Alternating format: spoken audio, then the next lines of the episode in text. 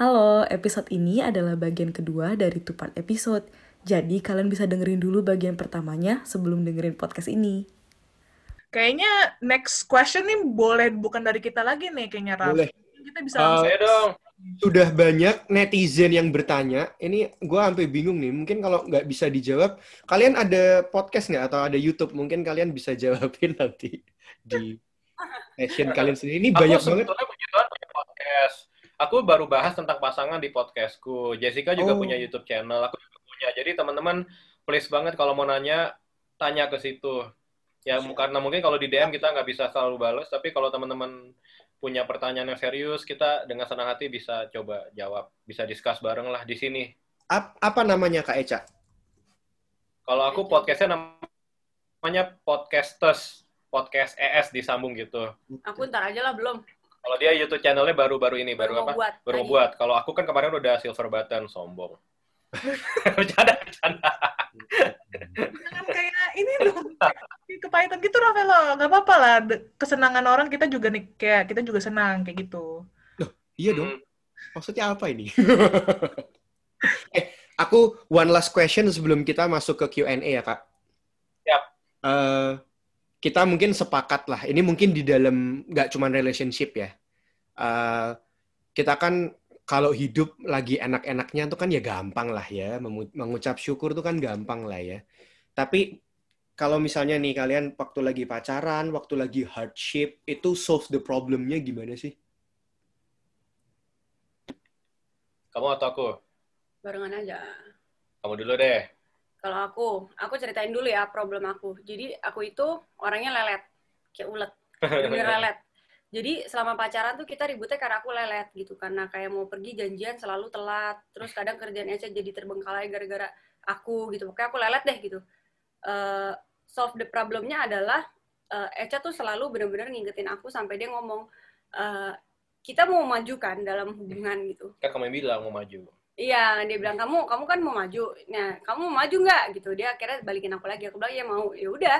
Kalau kayak gitu eh, apa namanya? Apa yang bikin kamu biar keluar dari zona nyaman kamu ini nih yang lelet kamu ini? Apakah aku harus telepon kamu setiap hari? Apakah aku harus ingetin 5 menit sekali kayak gitu-gitu. Jadi intinya Eca kan sempat bilang kita tuh pacaran waktu itu ada di, di zona di mana kita tuh berantemnya muter-muter terus.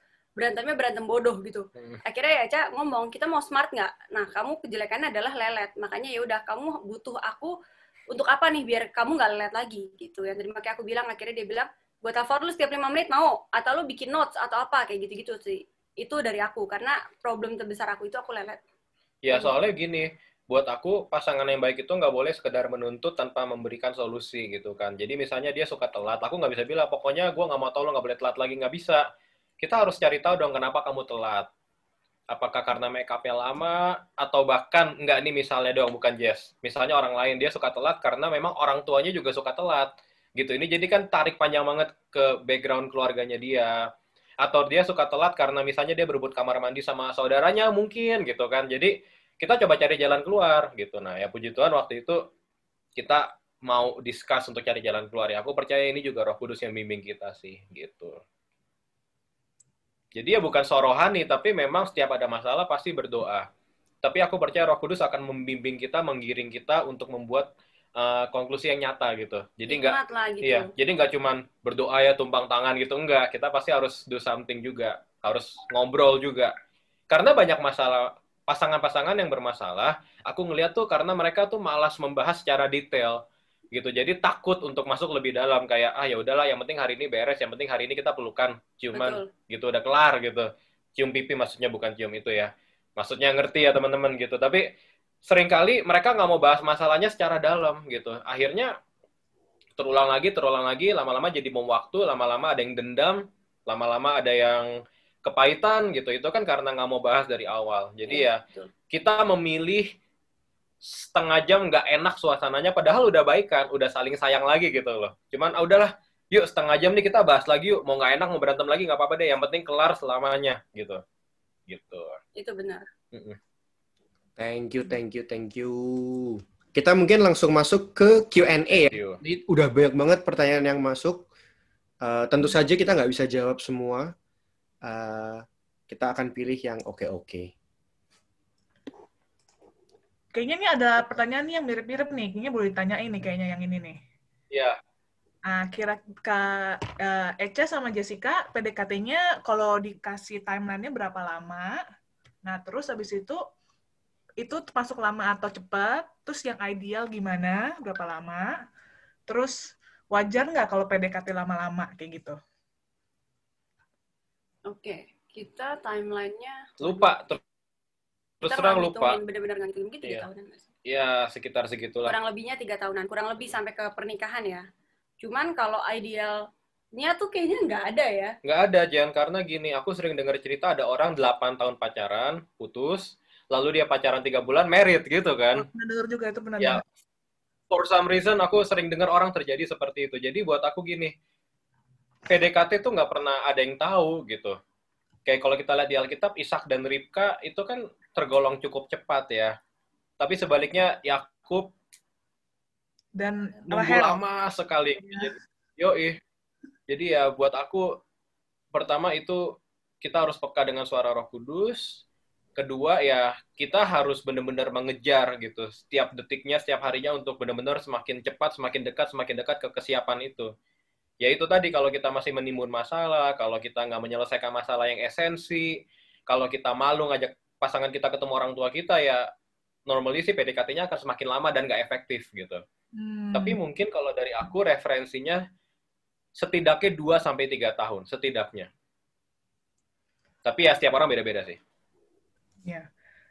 Dua Eh, sampai tiga sorry, sorry teman-teman aku tadi lupa ini saking excitednya mendengarkan cerita kalian. Jadi ini kita boleh nyalain kamera, kita mau fellowship bareng. Nyalain kamera biar ngelihat wajah-wajah lockdown. Gak usah make up dulu ya teman-teman, nggak apa-apa, apa adanya aja kok. Yeay, shalom semua. Halo semuanya. Boleh dada dan dada juga digital. Gimana Hai. memberkati sampai saat ini? Kesaksiannya Ini yang duduk menolong. sebelahan suami istri kan. Mike dan Lucy, iya suami istri. Yang lain-lain nih harus harus ini nih, harus dipantau nih. sebelahnya Iya. Kalau belum menikah jangan sekamar ya, jangan sebelahan. Asik. Galak boleh, udah, di kamar udah nikah ya. boleh galak gitu, udah nikah boleh. Galakin, galakin boleh, boleh. Kapan lagi digalakin sama Eca dan Jessica? Oke. Yuk. Aku mau mulai nanya- nanya-nanya ya. Ini ada Right. yang nanya, ada yang nanya, ini tolong dong netizen, kenapa Raffelo masih single? Kalau saya tahu ya siapa ini yang nanya ya? Kurang ajar sekali. Eh tapi coba kita bahas yuk kenapa kenapa Nggak usah, nggak usah, nggak usah, nggak usah. Ini kan Tolong. relationship talk, jadi nggak apa-apa. Tolong ya, tolong, tolong. Tolong. Oke, teman-teman ada yang mau bahas kenapa Rafaela masih single? Iya, Coba usah. berikan jempolnya. Tidak perlu. Jen Setiawan nggak usah ketawa. Banyak, banyak. So, kita harus mengikuti netizen. Kalau netizen mau kita bahas. Oke, nggak? Ini ada yang nanya nih, what tips do you have on the waiting season? I think itu pertanyaan oke juga. Mungkin ini buat Rafael juga dan buat gue juga waiting season. Hmm. Bener. Oke, basically menunggu nggak pernah enak ya teman-teman. Tapi Yesus sendiri pun kita lihat hidupnya selama di dunia beberapa kali dia tanda kutip menunggu. Ya kan seperti ketika ibunya minta tolong dia membuat mujizat, dia bilang ini belum waktuku, but anyway dia buat gitu. Artinya kan ada masa-masa menunggu. Tadi kita udah sempat bahas Yakub, Yakub juga menunggu. Jadi untuk sesuatu yang baik, bahkan yang terbaik, memang harus ada proses, harus ada menunggunya. Karena kalau kita langsung dapat tanpa proses menunggu, buat aku itu perlu dipertanyakan, itu dari Tuhan atau bukan, gitu. Dan anak Tuhan nggak pernah main-main dalam menentukan pasangan hidupnya. Jadi aku pikir menunggu adalah salah satu kriteria yang Roh Kudus wajibkan dalam hidup setiap dari kita. So, pertama kalau nunggu harus makin dekat sama Tuhan Yesus. Tadi Jess udah bilang kan, kalau dua-duanya masih rapuh nggak akan bisa. Jadi pastikan sebelum diberikan pasangan dari Tuhan, kitanya udah siap dulu, udah penuh dulu gitu loh. Kitanya nggak kesepian, kitanya nggak galau-galauan gitu. Karena kalau kita misalnya cari pasangan, biar gua nggak kesepian, itu udah alasan yang salah banget gitu kan. Kita nggak kesepian karena Roh Kudus selalu ada sama kita, bukan karena pasangan kita selalu ada sama kita gitu. Pertama makin dekat sama Tuhan Yesus. Kedua tentunya semakin memantapkan apa pun yang sedang kamu kerjakan, kuliah dan lain-lain. Nah ini kan ada pendapat nih. Kalau misalnya gue mau fokus kuliah atau fokus pelayanan, gue nggak mau pacaran dulu. Ya ini bebas-bebas aja sih. Tapi aku pribadi nggak setuju. Karena pasangan yang dari Tuhan itu akan Hmm. membuat pelayanan, kuliah, studi kita semakin baik gitu. Justru pasangan yang dari Tuhan akan semakin membuat kita hidupnya excellent. Jadi kalau pasanganmu mengganggu perkuliahanmu, ya itu perlu dipertanyakan apakah dia dari Tuhan atau bukan. Kalau pasanganmu mengganggu pelayananmu, ya besar kemungkinan dia bukan dari Tuhan gitu. Jadi ya Hmm. mungkin dua itu bisa membantu. Kamu ada tambahan? Udah semua. Udah semua ya. Gitu. Ya, thank you ya buat masukannya. Em, mudah-mudahan yang di dalam Mas menunggu juga makin mendekatkan diri dengan Tuhan. Amin. Nah, kayak kalian ini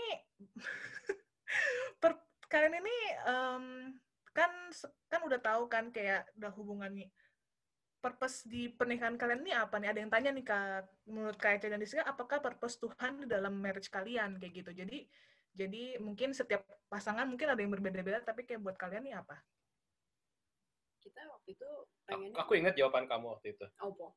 Jadi salah satu hal yang membuat aku semakin semangat untuk tanda kutip lebih mempercepat waktu menikah kita adalah dia bilang gini, kalau kita udah nikah kita bisa melayani teman-teman yang masih single, yang Dan- masih pacaran. Iya. Tapi kalau itu- kita belum menikah kan tanda kutip masih selevel nih kita nggak bisa so tahu kan gitu. Tapi kalau kita sudah menikah kita sudah menjalani itu. Dan yang kedua, eh, kita mau jadi contoh buat pasangan-pasangan yang sudah di atas kita. Karena banyak banget orang-orang tua di luar sana yang makin lama nikah, makin hambar gitu. Iya. Makin lama nikah, makin suami istri gandengan tangan aja tuh kayak hal yang jadi tabu gitu. Kayak, ih apa sih udah tua gandengan tangan Iya. gitu. Kita jadi mau encourage, bahkan kita eh, waktu itu goals terdekatnya adalah kita pengen encourage, encourage keluarga kita sendiri gitu. Jadi dari terdekat kita udah harus bisa setelah nikah ngebuka pikiran mereka gitu loh. Nikah tuh eh, enak kok nikah bukannya yang abis itu jadi baik karena banyak yang bilang gini nikah itu adalah pintu masuk masalah pintu Hmm. masuk masalah jadi kita kayak mau menepis itu makanya kita akhirnya ya itu sih tujuan kita menikah Iya. Nah, terus kan maksudnya kan ini ini lanjutannya ya kebetulan jadi ada yang tanya yang sama juga. Nah, kan di kayaknya rasanya kalau dengerin ceritanya Kak Eca kayaknya rasanya hubungannya mulus, semuanya mulus mulus mulus. Nah, tidak. tapi ada iya makanya ada yang bilang kayaknya nggak kurang setuju dengan statement itu. Nah, bagaimana dengan em, kalian gimana kalau hubungan mulus kan tadi dan segala macamnya ini gimana gitu loh menghadapi ini dan apakah benar mulus semua ikut Tuhan itu mulus semua kayak gitu. Eh, eh, sebenarnya enggak sih. Ada saat-saat masa-masa di mana aku berantem sama Eca keluar dari mobil keluar turun ke jalan tol jalan kaki sendiri Eca kayak gimana? Iya, aku berantem-berantem. teriak-teriakan ada kok masa-masa itu. Cuman ya pada akhirnya sampai saat ini pun kita masih ada berantemnya. Kita bukan tiba-tiba abis nikah jadi malaikat kan. Cuman setiap berantem tuh eh, makin hari makin baik sih. Maksudnya gini berantemnya tuh ada tujuan gak sih? Kalau lu cuma berantem buat hal-hal yang annoying hal-hal yang gak jelas cuman yang kayak pokoknya gue gak mau ya lo kerja di sini gara-gara lo baik cewek-cewek. Ah itu kan aduh nggak jelas banget gitu. Jadi kita udah di tahap di mana lu kalau mau berantem ada tujuannya dulu nih ada yang mau diubah. Tapi kalau enggak yuk nggak usah diberantemin kita ngobrol baik-baik sama-sama gitu. Lebih ke situ sih cuman kamu mau nambahin nggak? Ya, masalah pasti ada ya. Maksudnya kan tujuan hidup kita ini kan semakin serupa dengan Tuhan Yesus dan untuk menjadi Hmm. semakin serupa dengan Tuhan Yesus pastinya Tuhan mengizinkan masalah, pergumulan, proses pasti ada.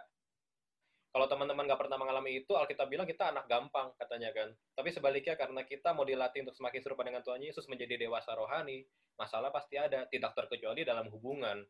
Tapi ya itu balik lagi yang tadi aku jelasin. Masalah itu mendewasakan atau membuat kita muter-muter aja di situ. Gitu. Contoh- Dari masalah ada dua yang Iya. dicari-cari sama Nah iya, aku puji Tuhan diingetin. Masalah ada dua. Pertama, masalah yang memang harus ada yang Tuhan izinkan. Kedua, yang dicari-cari aja gitu. nah Yang nggak seharusnya ada gitu. Yang nggak ya yang nggak ada dalam rencana kerja Tuhan. Masalah-masalah nggak penting gitu. Yang lahir cuma dari egonya kita, yang cuma lahir dari kebiasaan buruk kita gitu. Itu kan masalah-masalah yang nggak bikin kita maju teman-teman. Tapi kita tetap membahas sampai berantem. Kalau bahasa mamaku tuh kita sudah masuk dalam perangkap iblis ya. iya. Jadi hati-hati dengan dengan dengan masalah-masalah yang nggak penting itu. contoh-contoh mungkin. Ada yang Apa? Contoh mungkin contoh. gini kali ya. Misalnya eh, hari ini Eca belum ngomong love you misalnya. Ya, hari ini Eca belum ngomong I love you. Itu bisa dibahas sampai besok subuh. Enggak tadi tapi emang kenapa nggak di kenapa kamu nggak ngomong I love you? Kenapa hari ini kamu ada apa? Hari ini kamu marah sama aku? Hari ini kamu ini itu ini itu. Ada aja yang dicecer. Padahal tuh nggak sepenting itu gitu Eh, bisa kan nanya kamu lagi kenapa? Kamu kerjaan lagi nggak bener atau gimana? Atau lagi capek? Tapi ini kita uh, harusnya kalimat yang bisa kita cuma tanya dengan santai kita ubah jadi kalimat masalah yang dicari-cari. Lu Atau- kenapa sih? Lu ini nggak ya? Lu gue udah udah nggak cantik ya? Oh gue udah nggak ini ya? Oh, udah overthinking ke mana-mana. Atau nih, ini aku coba cari masalah yang sangat bodoh ya teman-teman. iya. Tapi semoga relate sama kalian. Mari Misalnya. Jessica saat teduhnya dengerin khotbahnya Johanan Doyo atau Philip Mantova nah ya misalnya gitu atau Johan Mogi pendeta yang penampilannya keren. Terus aku jelas, oh ganteng lu ya, makanya suka lu. Misalnya gitu nah misalnya kayak tuh. gitu-gitu tuh Misalnya, misalnya Itu kan bodoh gitu banget masalah ya. bodoh Tapi you know terjadi gitu. Mas aku tahu teman-teman ada yang berantem gara-gara masalah kayak gitu. nonton Korea. Nah, si kamu yang cantik ya, cantik ya. Aku kurang cantik ya. Ya udah lo operasi aja muka lo gitu Hmm, kan. You know, itu kan masalah yang mendewasakan teman-teman. Yang ada aja gitu loh. Tapi percaya deh, setiap detik yang terbuang itu itu nggak sehat untuk hubungan gitu. Jadi mungkin kalian pikir ah cuma lima menit habis itu ketawa lagi, pelukan lagi, enggak juga. Ada yang abis itu jadi bisa kamar loh. Iya, kalau nggak diberesin sungguh-sungguh bisa jadi duri dalam daging gitu. Hmm. Mantap, mantap. Oh ya, boleh Ci.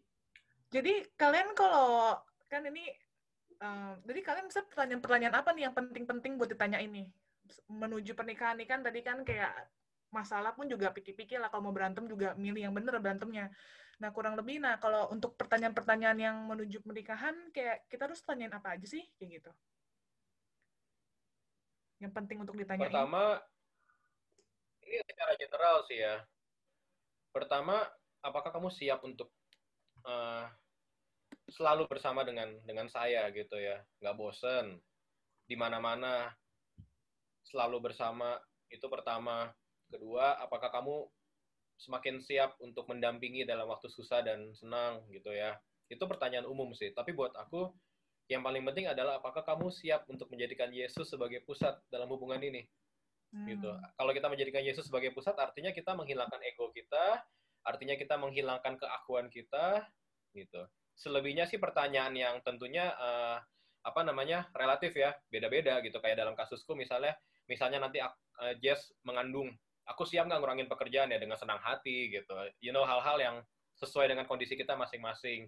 Terus misalnya kayak dia kamu pernah nanya, misalnya nanti aku udah punya anak, kamu siap nggak masak nasi buat, you you know gitu hal-hal yang sederhana. Tapi yang uh, fundamental yaitu kita siap nggak menjadikan Yesus sebagai bos dalam hubungan ini. Bukan Hmm. aku, bukan kamu, tapi Tuhan Yesus. Gitu. Sama mungkin kalau yang pertanyaan-pertanyaan yang ini sih yang tentang pasangan masing-masing sih gitu. Kayak Apa aku tuh? waktu itu sempat tanya Eca kayak eh, gimana. Jadi Eca ini tipenya adalah suka ditemenin ke mana pun dia pergi gitu. Mm. Jadi aku waktu itu sempat nanya waktu masih pacaran, oke kalau misalnya aku ternyata punya kerjaan nih, eh, aku jadi jarang nemenin kamu, kamu gimana nih? Oke tahu nggak?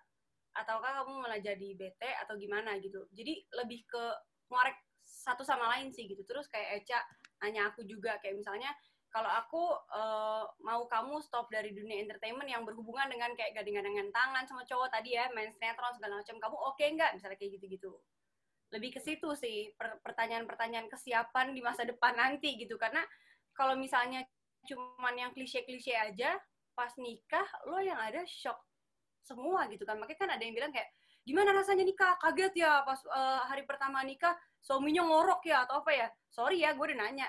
Eh lo ngorok gak tidur? Gue- pertanyaan yang mungkin menurut orang silly ya cuman memang harus ditanya karena ada tipe orang yang nggak bisa pasangannya tuh ngorok segede gitu. Tapi ada yang mungkin bisa terima. Terus misalnya yang kayak apa lagi? Mohon maaf ya teman-teman ya, mohon maaf banget. Mohon maaf, durasi buang air besarmu berapa lama gitu, itu tuh perlu ditanyain. Gitu. Terus Serius, serius. Iya. Soalnya awal-awal kayak Eca tuh stres gitu loh. Bi, Bi, are you okay? Bi, kamu lama banget, Bi. Aduh, aku tuh nggak bisa kalau rame-rame. Mendingan kamu keluar deh dari kamar. Sampai kayak gitu. mm-mm. Tapi ya akhirnya udah udah udah tahu gitu. Mungkin silly kan. Tapi ya pada akhirnya pas kita nikah, ditanya orang kaget nggak? Enggak sih. Nggak yang berasa kayak, wah si Eca ternyata gini. Oh, si Jessica gini. Puji Tuhan sama. Waktu pacaran pas nikah, nggak ada bedanya. Malah makin baik gitu. keywordnya tuh jujur sih. Yang penting jujur sama diri sendiri. Jadi harus tahu apa yang jadi kelemahan kamu, apa yang jadi prioritas kamu. Kalau aku nih orangnya sangat detail, terlalu detail. Hal sekecil apa pun aku perhatikan. Jadi ya aku akan tanyakan dia hal sekecil apa pun.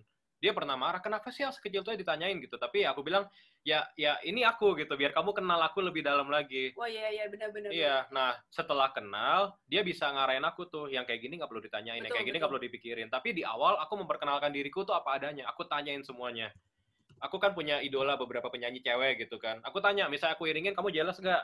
Misalnya aku foto bareng aku post di Instagram kamu jelas nggak? You know aku berdua gitu. aku tanya hal sedetail itu gitu. Jadi teman-teman harus jujur jangan pencitraan gitu. I see. Jadi pertanyaannya ngorok nggak? Enggak.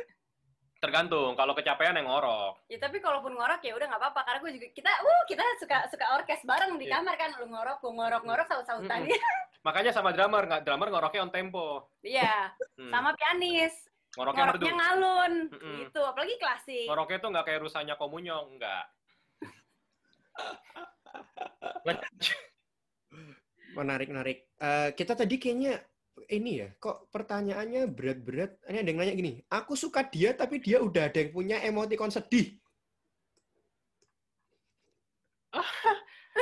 Kenapa jadi gitu sama lu? enggak ini jarang baca Alkitab pasti Alkitab bilang jangan mengingini sesamamu milik sesamamu pasangan sesamamu ya kalau udah punya orang lain yang ngapain Gak usah sedih-sedih bodoh sedih-sedih kayak gitu Nah, Ikan lele itu di empang ada 100 bukan cuma satu. Hmm. masih banyak bunga di taman ya Masih banyak, apalagi ya yang banyak ya.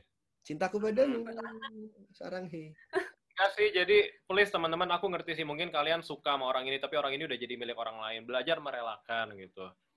Ketika kita merelakan, artinya kita berserah sama Roh Kudus. Tapi ketika kita maksa Roh Kudus, mungkin kamu bisa dapat orang ini gitu. Tapi, you know, sambil menunggu itu banyak waktu terbuang. Banyak referensi tanda kutip dari Roh Kudus yang jadinya kita nggak dapatkan karena kita terlalu fokus sama satu orang. Buat aku sih penolakan itu baik ya, karena kita jadi membuka pikiran gitu. Dan kita semakin jujur kita jadi introspeksi lagi. Ini cewek gue suka banget tapi udah jadi punya orang. Apa bener ya dia yang gue suka? Liatin lagi fotonya eh kayaknya bukan ya. Inget-inget lagi sikapnya sifatnya eh iya emang ternyata bukan ya. Iya roh kudus emang paling tahu gitu. Jadi mestinya sih agak santai ya. Kalau menikah jelas harus harus komitmen harus bareng-bareng terus. Tapi kalau apalagi belum pacaran gitu santai sih. Jangan terlalu dibawa perasaan ya nanti jadi stres sendiri padahal bukan punya kita tapi kita liatin kita tanyain udah makan atau belum gitu itu bodoh kan Mm-mm. Kamu jangan bodoh dong, halo. Mm. Ayo gitu. Kalau Katanya nanya Rafael. pokoknya nanya Rafael Tapi kalau misalnya tadi bilang ikan lele ada banyak di empang, nah ini ada yang tanya nih, kalau kalian percaya jodoh itu tiap orang satu aja di bumi atau semua orang bisa jadi jodoh kita? Nah, tuh gimana tuh? Banyak banget sih Wow. semua orang bisa jadi jodoh kita. Well, ya ini Mungkin yang mengingini gue juga banyak kali ya. gini gini. Miliar. kita harus membenarkan dulu definisi jodoh apa nih? Kalau jodoh dalam pengertian cuma sekedar jadian atau mohon maaf kalian berencana menikah cerai menikah cerai ya of course kita kita bisa punya lebih dari satu opsi gitu. Tapi kalau kita balik ke firman Tuhan jelas aku percaya jodoh pertama di tangan Tuhan bukan di tangan kita. Sekali lagi jodoh di tangan Tuhan bukan di tangan kita. Kenapa gitu karena tangan kita ini penuh dosa tangan kita ini bisa bikin kesalahan. Jadi tangan kita nggak layak menentukan jodoh kita. Jodoh jelas di tangan Tuhan. Itu pertama. Kedua, kalau Tuhan sudah menentukan jodoh, Tuhan nggak pernah salah. Nggak pernah, eh ternyata ada yang lebih cocok ya gitu. Eh ternyata ini baru lahir kayak lebih cocok gitu. Enggak. hmm, Alkitab mencatat Tuhan sudah mengetahui kita dari kita masih di kandungan mama kita. Jadi jelas sebelum kita lahir pun, sebelum orang tua kita bertemu pun, Tuhan udah tahu jodoh kita siapa. hmm. Tapi pilihan di tangan kita, makanya untuk memilih kita butuh kepekaan, butuh keintiman sama Roh Kudus. Jangan asal milih, jangan cuman, ih aku kayak semalam mendengar suara Tuhan ya, kamu jodohku gitu, terus putus. Yang lu dengar suara siapa gitu kan. Jadi jelas Tuhan sudah menentukan hanya satu orang kok. Terus kalau pertanyaannya kenapa bisa ada kesalahan, ada uh, menikah dan bercerai, ya pertama aku menyesal dengan hal semacam itu, dan itu terjadi ya karena kita kurang berdoa, kurang melibatkan Tuhan aja sih pada dasarnya seperti itu. Tapi ya Atau Tuhan mungkin selalu punya kesempatan kedua. sendiri. gitu ya, ego kita. Iya. Kak Eca mungkin mau minum dulu. Dari tadi satu setengah jam sudah khotbah. Oh, aku sudah sudah ini sudah apa sudah eh, apa minum banyak di awal tadi. Sampai besok cukup. Oh siap. Siap kita, siap. Siap, siap. Wah, ini lanjut terus. Gak apa-apa nih, kita ya. lanjut gak apa-apa nih. Kita Gak apa-apa, lagi 10 menit lagi ya. 10-15 menit Haus. lagi.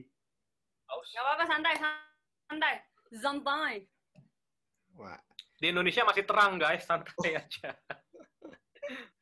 Kak Eca, ada yang nanya nih Kak.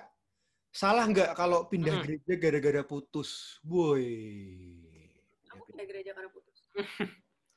Eh, menurutku, bukan menurutku ya, berdasarkan apa yang Roh Kudus taruh di hatiku adalah gini. Boleh pindah gereja kalau memang pengajarannya sudah tidak sesuai dengan kebenaran firman. Atau misalnya di gereja itu kamu nggak bertumbuh, atau di gereja itu kamu nggak dapat kesempatan melayani. Tapi misalnya itu gereja terbaik untuk kamu bertumbuh ya. Terus kamu putus gitu ya, kamu harus berbesar hati Betul. gitu, tetap stay di situ. Kalau kasus kamu pindah kenapa? Aku jadi abis putus pindah gereja guys. Tapi itu karena apa? Karena pada akhirnya lingkungan gereja aku toxic Mm-mm. gitu. Karena eh, orang nggak tahu tentang kebenaran, orang taunya eh, apa? Aku katanya selingkuh sama. Jadi dari yang sebelumnya ini tahu-tahu sama Eca katanya selingkuh. Jadi eh, apa? Akhirnya kayak datang ke gereja itu udah gak nyaman karena disindir-sindir. Iya. Terus abis itu eh, apa? Saling ngata-ngataan gitu. Akunya sih diem aja lama-lama kan tapi jadi kayak capek. Udahlah.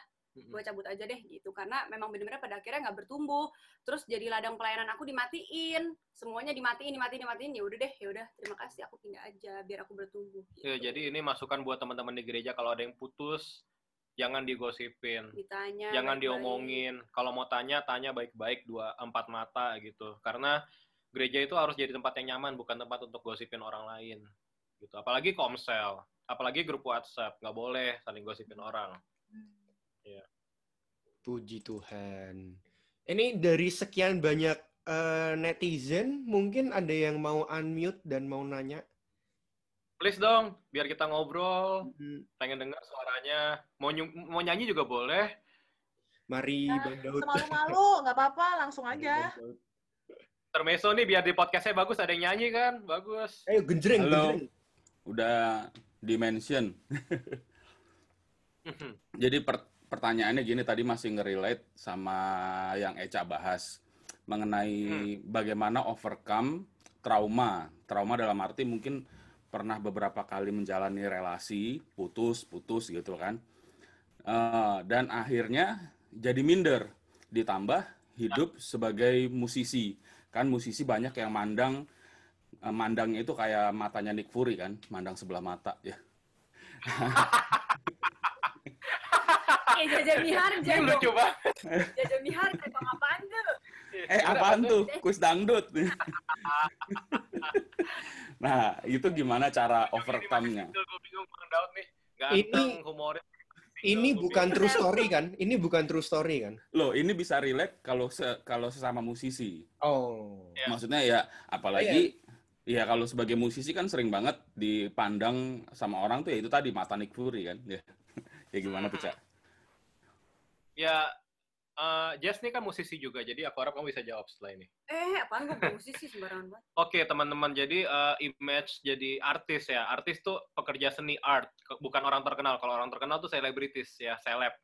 So, memang kita nih sering dipandang sebelah mata, dianggap musisi tuh bandel, tukang main cewek, narkoba, ngerokok, mabok, dan segala macam tuduhan-tuduhan lain lah. Dan memang cukup banyak artis yang seperti itu, tapi nggak semua juga. Dan di sisi lain, banyak bidang-bidang pekerjaan lain pun yang kenakalannya itu sama gitu loh. Jadi aku nggak nggak mau menyerang bidang kedokteran, tapi ada dokter selingkuh sama suster ada gitu kan. Menteri korupsi ada gitu. Jadi jangan selalu memandang eh, orang-orang seni itu sebagai orang-orang yang terlalu bebas gitu. Karena Daud juga orang seni loh teman-teman. Daud tuh musisi banget gitu Bukan ya. Daud Marianto ya Bukan Daud Marianto, Daud di Alkitab. Tapi Daud Marianto juga aku yakin ya. Tapi dia orang berkenan di hati Tuhan gitu. Artinya musisi juga bisa jadi orang yang berkenan di hati Tuhan. Tergantung kitanya mau jadi seperti apa. Nah, aku rasa pembuktian penting ya. Karena Jess juga pertama kali aku deketin, dia denger banyak omongan, eh itu playboy gitu. Ya kan? Mm, mm, mm, mm, mm. Baru ingat. Iya bener. Iya, jadi waktu itu pas aku denger, aku bilang emang iya gitu, aku takut-takutin aja gitu. Tapi ya, puji Tuhan waktu membuktikan, enggak kok, malah aku orangnya sebetulnya minder ya, bukan playboy ya. Iya, lebih ke minder. Mm-mm. Tapi puji Tuhan sudah dipulihkan gambar dirinya. Amin. Begitu. In. Kak, Kamu namain. Kita Apa, ini Mas? ini sepertinya eh tanya Apa? tanya lah ya. Batasan Tanya pacar dong. batasan pacaran, do and don'ts. Pegang ubun-ubun. Oke, aku tahu. Udahlah, ini pasti mengerucutnya langsung ke boleh berciuman atau tidak, boleh berpelukan atau tidak, boleh, gandengan berhubungan tangan atau enggak. tidak. Ini batasan-batasannya bukan ya bukan yang udah nggak usah fake lah kayak WhatsAppan paling malam sampai jam berapa? Ah udah nggak bukan gitu pasti Pulang ini bulu hidung sini boleh nggak? Bulu hidung kamu berapa? ya, makannya bolehnya sama keluarga atau ah udahlah ini pasti Udahlah, mengerucut. udahlah, udahlah. Ya. So gini, aku ingat Om Gilbert bilang ciuman itu boleh teman-teman dengan dua syarat. Pertama depan papamu atau depan mamamu ya. Jadi kalau papa mamamu tidak melarang, siapa saya melarang gitu. Betul. Kedua, indera penciuman adalah hidung. Jadi silakan saling mengendus satu dengan yang lain. Ya. Ya, itu kata Om Gilbert. Kalau kata papaku begini, ciuman itu adalah pintu menuju dosa. Jadi belum tentu dosa. Nah, aku terbuka sama kalian. Jadi please teman-teman jujur dengan diri kalian masing-masing. Ada orang yang sudah berpelukan, berpelukan nih bersentuhan ya, tapi tidak terangsang. Biasa aja dia. Ada. Tapi ada yang baru ngeliat jaraknya satu kilometer, udah merinding, udah terangsang gitu loh. Betul. Jadi teman-teman harus tahu kelemahan kalian. Karena percuma aku ngomong di sini boleh atau tidak. Anyway, kalau kalian mau lakuin ya kalian tetap lakuin gitu. Roh Kudus saja tidak tanda kutip tidak bisa melarang kalian apalagi saya dan Jess gitu. Ya, khususnya tidak terlihat Iya. kan. Tapi ya tentunya aku harus memberikan jawaban yang Roh Kudus taruh di hatiku. Selama pacaran silahkan gandengan kalau itu tidak membuat kalian jadi nafsu. Ya. Kalau pelukan juga please pilih-pilih tempat. Kalau di pinggir jalan lagi nunggu lampu merah silahkan. Yang ramai 100 Mm-mm. orang sebelah kalian gitu ya. Tapi ya jangan di kamar berduaan gitu. Apalagi sambil matiin lampu, pasang lilin, lagu Korea gitu. Karena musik tuh punya kuasa. Aku musisi, musik itu punya power. Musik itu bisa membuat kita merasakan sesuatu yang kita nggak pernah rasain gitu. Jadi pastikan kita bisa menyikapi ini dengan baik gitu ya. You know, kalau aku sih cium kening nggak apa-apa ya. Cium kening nggak apa-apa gitu. Tapi Eca fair, cium kening itu di depan mamanya. Mm-mm. Gitu. Dan Aku nggak apa-apa. ulang Cium bola mata nggak? Bola mata sini. Bola mata boleh, boleh ya, tapi harus di ini bolanya bener-bener ya, harus pas gitu. Terus ditiup. Sebenarnya ini teman-teman menurut aku nggak ada nggak ada batasan boleh atau enggaknya segala macam karena setiap orang tuh beda-beda gitu kan. Setiap culture keluarga juga beda-beda. Kalau kita bilang nggak boleh ini nggak boleh itu, tapi kalau orang-orang yang western aduh, Iya. beda kan gitu. Jadi sebenarnya batasannya adalah ya yang tadi kamu berani nggak ngelakuin itu di depan orang tuamu dan kalau ada Tuhan di sebelah sinimu ya kamu bayangin ya kamu berani nggak Iya. kalau menurut kamu itu eh, sudah tidak wajar dan orang di depan orang tuamu kamu tidak akan ngelakuin ya buat apa Dan ada satu referensi lagi, Paulus pernah bilang dengan jelas, jangan melakukan apa pun yang menjadi batu sandungan buat orang lain. Segala sesuatu diperbolehkan, tapi nggak semua membangun. So, Hmm. jangan cium pasanganmu kalau itu jadi batu sandungan buat orang lain. Sebesar apa pun keinginanmu, tahan gitu. Karena hidupku kan bukannya aku lagi, tapi Yesus yang hidup di dalamku. Hidup kita harus jadi berkat buat orang lain. Kalau dengan kamu pacaran peluk-pelukan, terus orang lain jadi nggak diberkati, jadi terinspirasi untuk melakukan yang sama dan akhirnya mereka jatuh dalam hubungan seks, bukankah itu dosa kita juga gitu teman-teman. Jadi pastikan peka dengan suara roh kudus. Ya aku nggak terlalu mengerti sih culture di Melbourne gimana. Anyway kita baru dua minggu di sana kan dan kita pengen banget balik lagi. Tapi kalau di Indonesia kan teman-teman bisa tahu ya orang-orang norak banget gitu kan. Cewek pakai rok pendek dikit langsung diliatin gitu ya. Nah makanya aku berkali-kali bilang sama dia, kau pakai baju tertutup dikit, aduh panas, udahlah daripada diliatin, males kan diliatin. Jadi ya berkorban sedikit gitu berkorban sedikit. Terus terang aku baru berani eh, ya dan melakukan juga post foto kita eh, ciuman bibir ya pas sudah menikah gitu. dan itu dilakuin juga pas menikah Iya. gitu. Itu fotonya juga pas sudah nikah nih ada Mike yang fotoin kita. Ada Jadi Andrew mm-mm. jadi ya pastikan berhikmat teman-teman. Berhikmatlah. Jangan cuman ngomong ah Tuhan tahu hati, Tuhan tahu hati loh. Tuhan tahu hati tapi manusia kan nggak ngelihat hatimu, manusia ngelihat buahmu gitu. Jadi be smart lah. Aku percaya Roh Kudus akan bimbing teman-teman kok. Ini pertanyaan yang tidak perlu dipusingkan. Roh Kudus akan bimbing. Segala sesuatu diperbolehkan tapi nggak membangun, nggak semua membangun. Kalau tidak membangun, jangan dilakukan. Oke. Jangan ya teman-teman. Itu semua akan bebas kalian lakukan ketika kalian udah menikah. Iya. Sudah. Jadi sabar-sabar ya. Sabar. Biar semuanya yang terbaik itu ada pas kalian nikah, jangan pas di awal-awal ngapain colongan. Iya. Nanti pas nikah jadi udah nggak ada Ambar, semangatnya lagi ya. iya. ya. Oh, udah pernah pas gitu kan jadi nggak seru. Thank you buat masukannya. Um, kan ngomong dari segi cewek nih ya, kan kan cewek nih butuh uh, security gitu-gitu kan. Kan terus misalnya kayak tadi kan si Jess cerita kayak oh lagi, kebetulan kayak uh, Echa lagi financialnya lagi nggak memenuhi. Nah, terus gimana nu caranya kayak kalau ada secure, insecurities dari segi finansial atau mungkin dari segi keluarga atau kesehatan atau gimana kayak itu tuh tuh gimana tuh ya? Kalau misalnya mengalami insecurities di cewek-cewek dan mungkin itu juga bisa gimana cara mengovercome kalau misalnya ceweknya lagi insecure gitu misalnya cantik atau enggak atau apa kayak gitu. Ih, sering dia insecure dulu. Aneh kamu. Uh, mohon maaf nih, mohon maaf banget. Boleh nggak kita dulu yang jawab? Karena aku kebelet ke toilet mau buat Nanti udah selesai nanti. Oke, sambil pikirin jawabannya. Sambil pikirin jawabannya.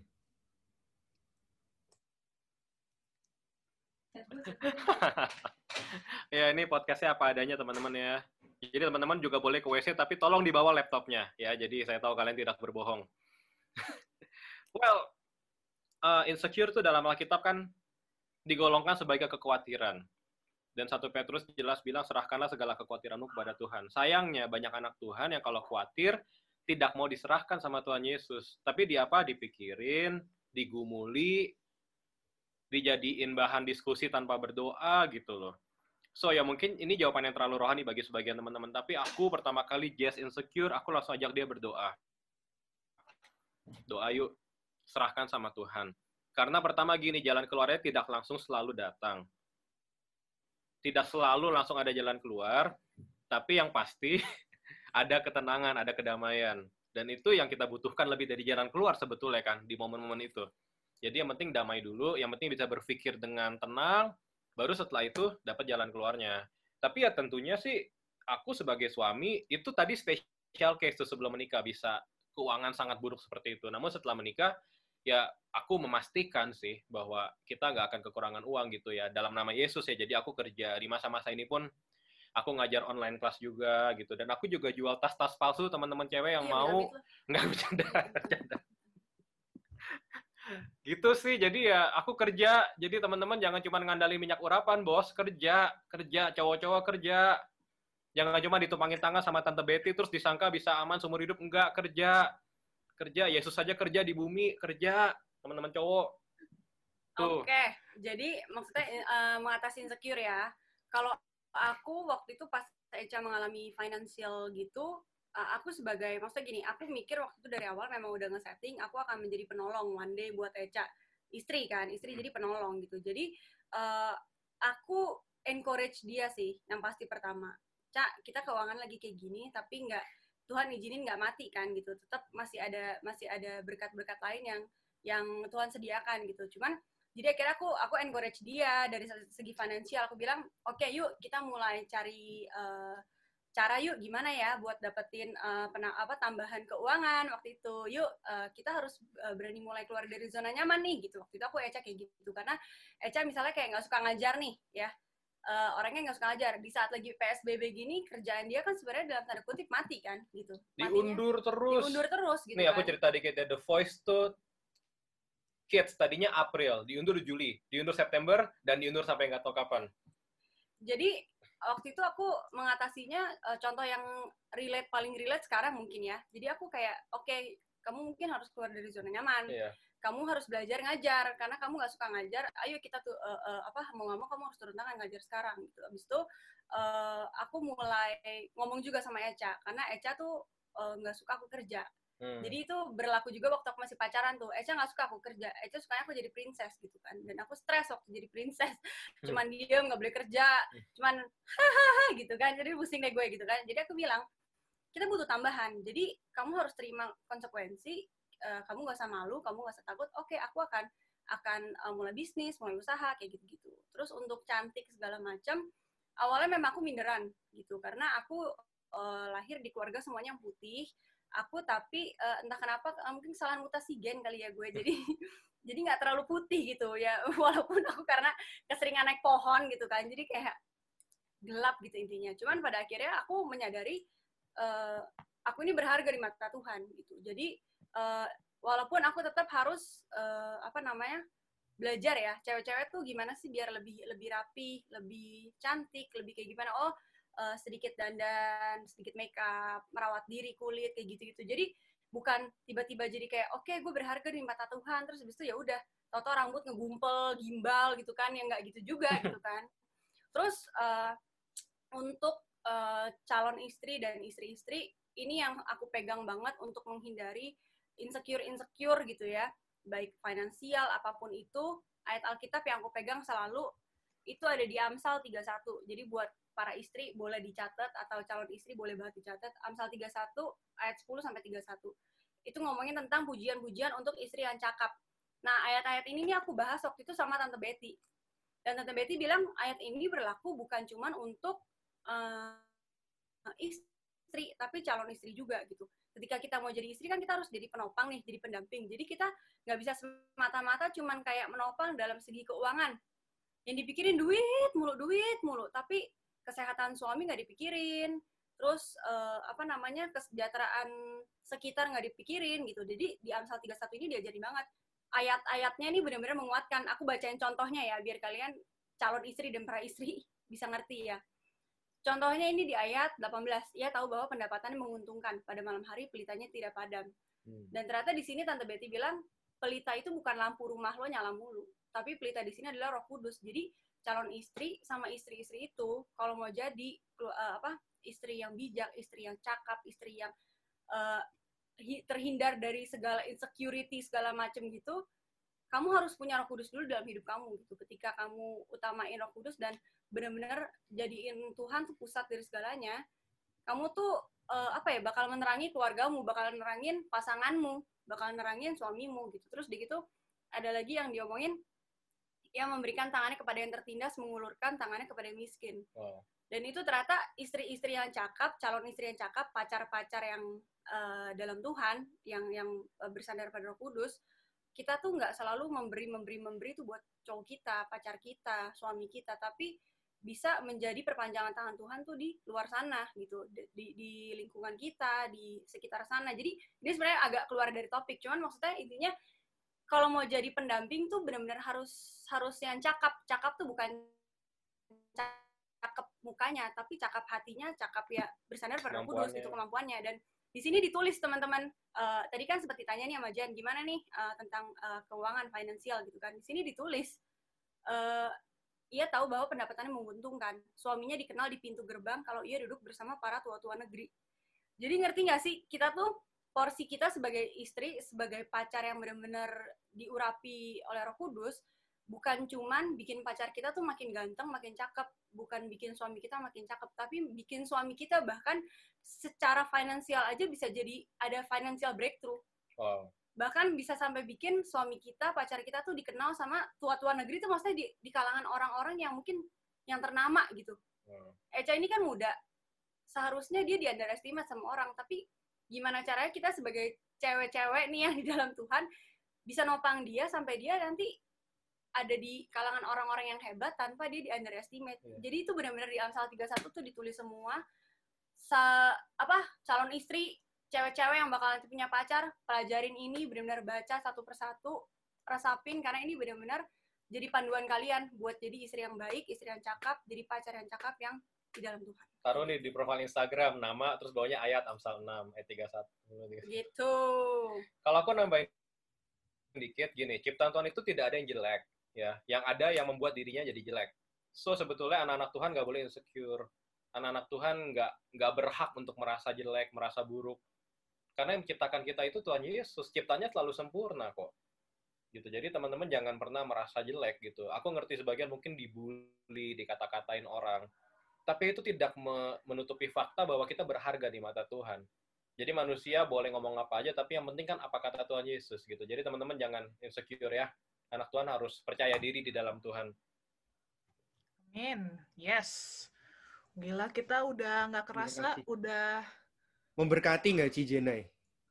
Memberkati banget, banyak banget insight dan masukan-masukan tentang dari tadi dari Kak Eca tuh tersinari oleh cahaya matahari sampai ini udah pakai lampu ya ini ya.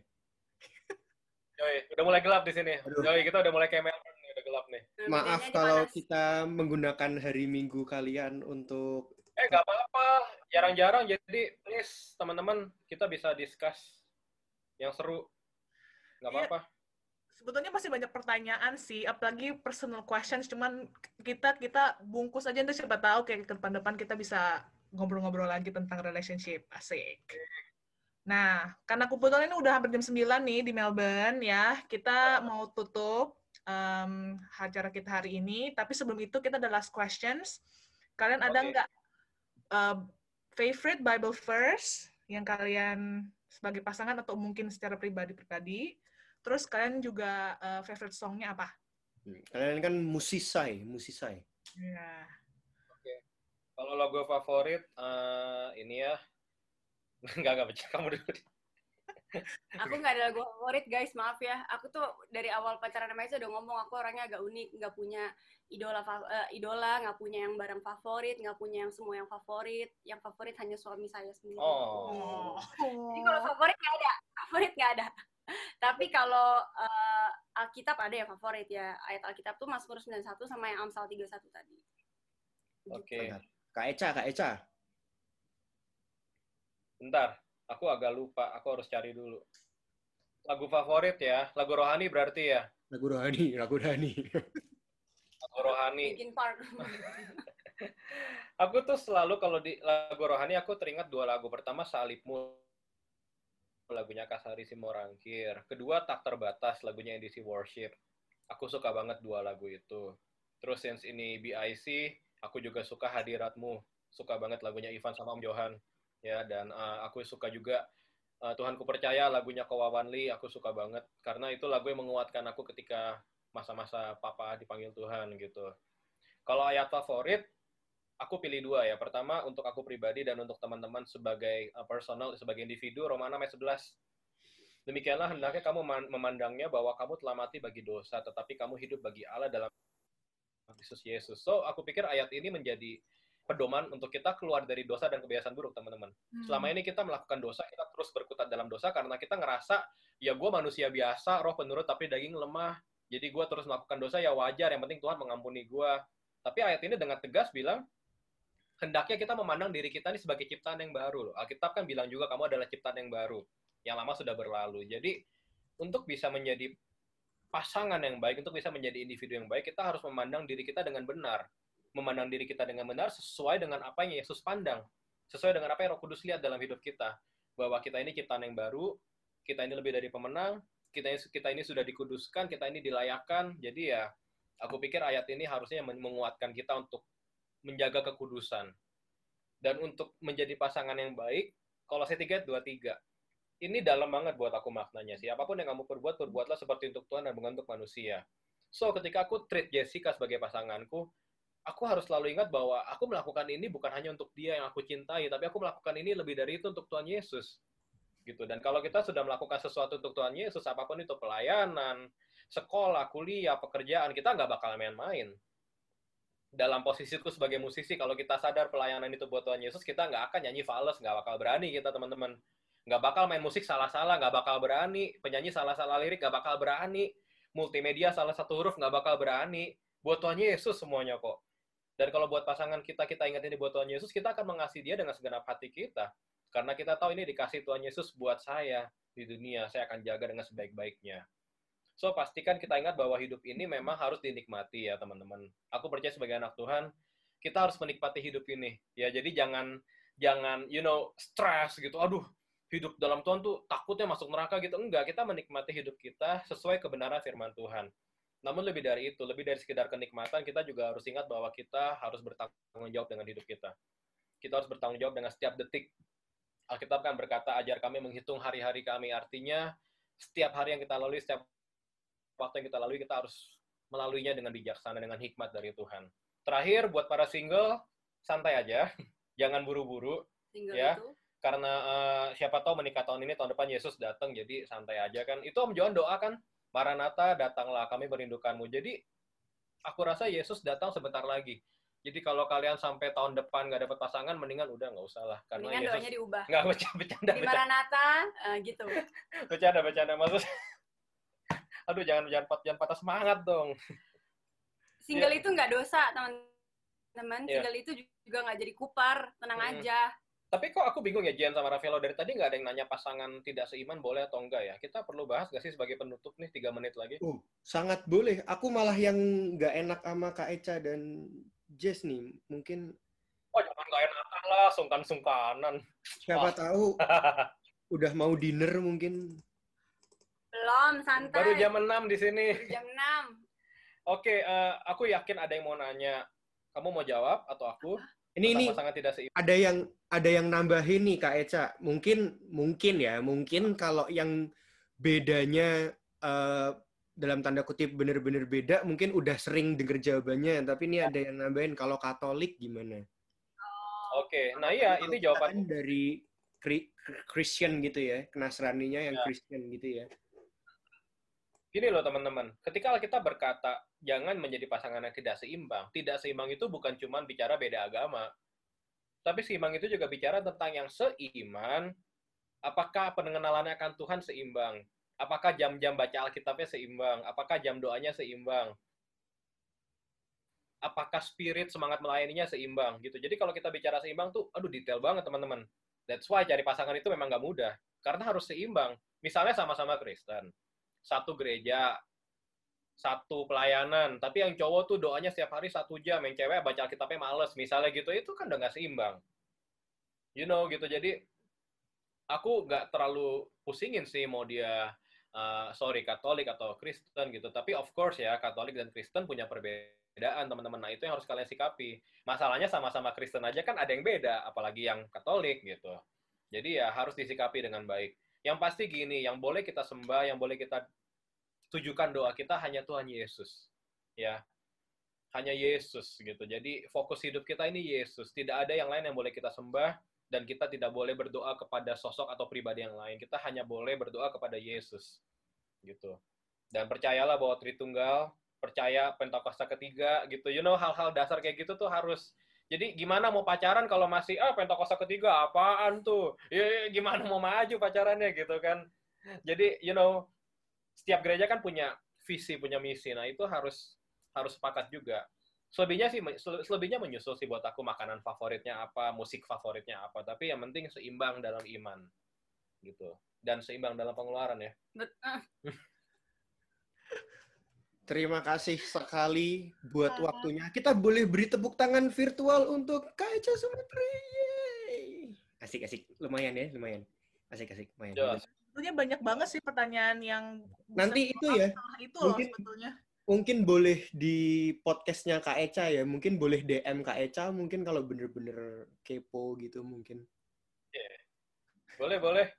Buat teman-teman yang eh, masih punya banyak pertanyaan, tentu aja kita belum bisa jawabin satu-satu.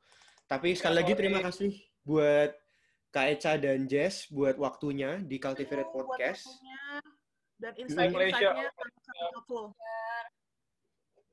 Thank you juga buat Ci Jennifer sebagai host tamu. Tepuk tangan dong buat Jennifer, teman-teman. Tepuk tangan.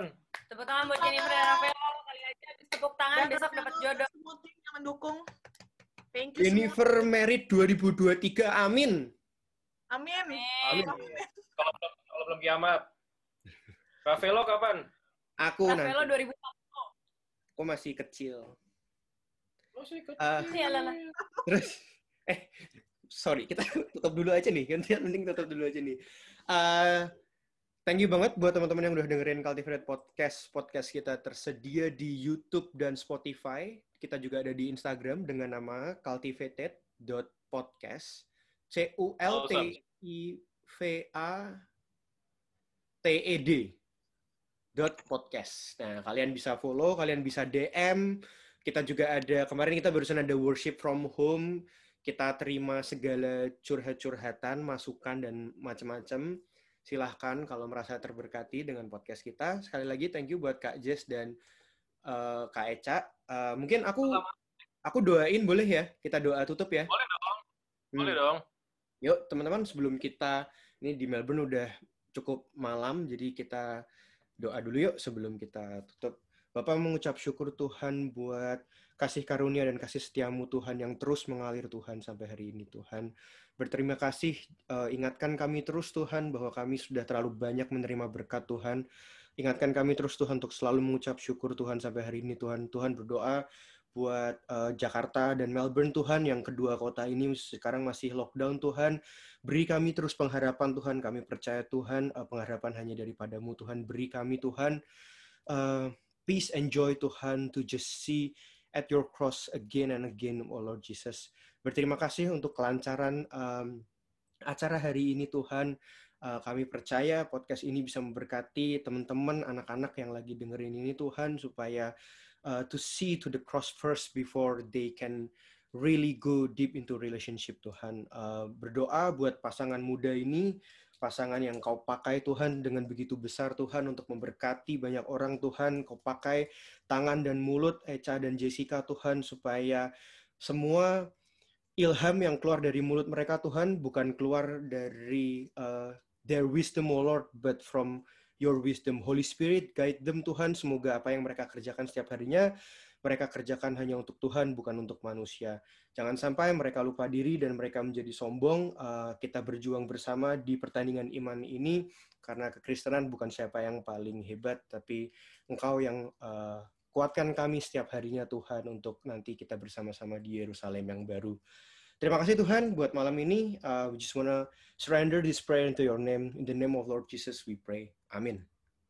Oke, okay, kita foto dulu. Ini ya. Kita, kita foto dulu yuk sebelum kita tutup acara hari ini buat dokumen. Uh, yang bersedia aja, yang enggak enggak apa-apa kok. Uh, yuk kita foto dulu. Satu, dua, senyum. Dah, thank you semua. Selamat malam, Tuhan Yesus memberkati. Terima kasih sudah mendengarkan podcast kami. Share podcast ini kalau menurut kalian memberkati. Cultivated Podcast tersedia di Spotify dan YouTube, dan kalian bisa cek juga Instagram kita di cultivated.podcast. Terima kasih.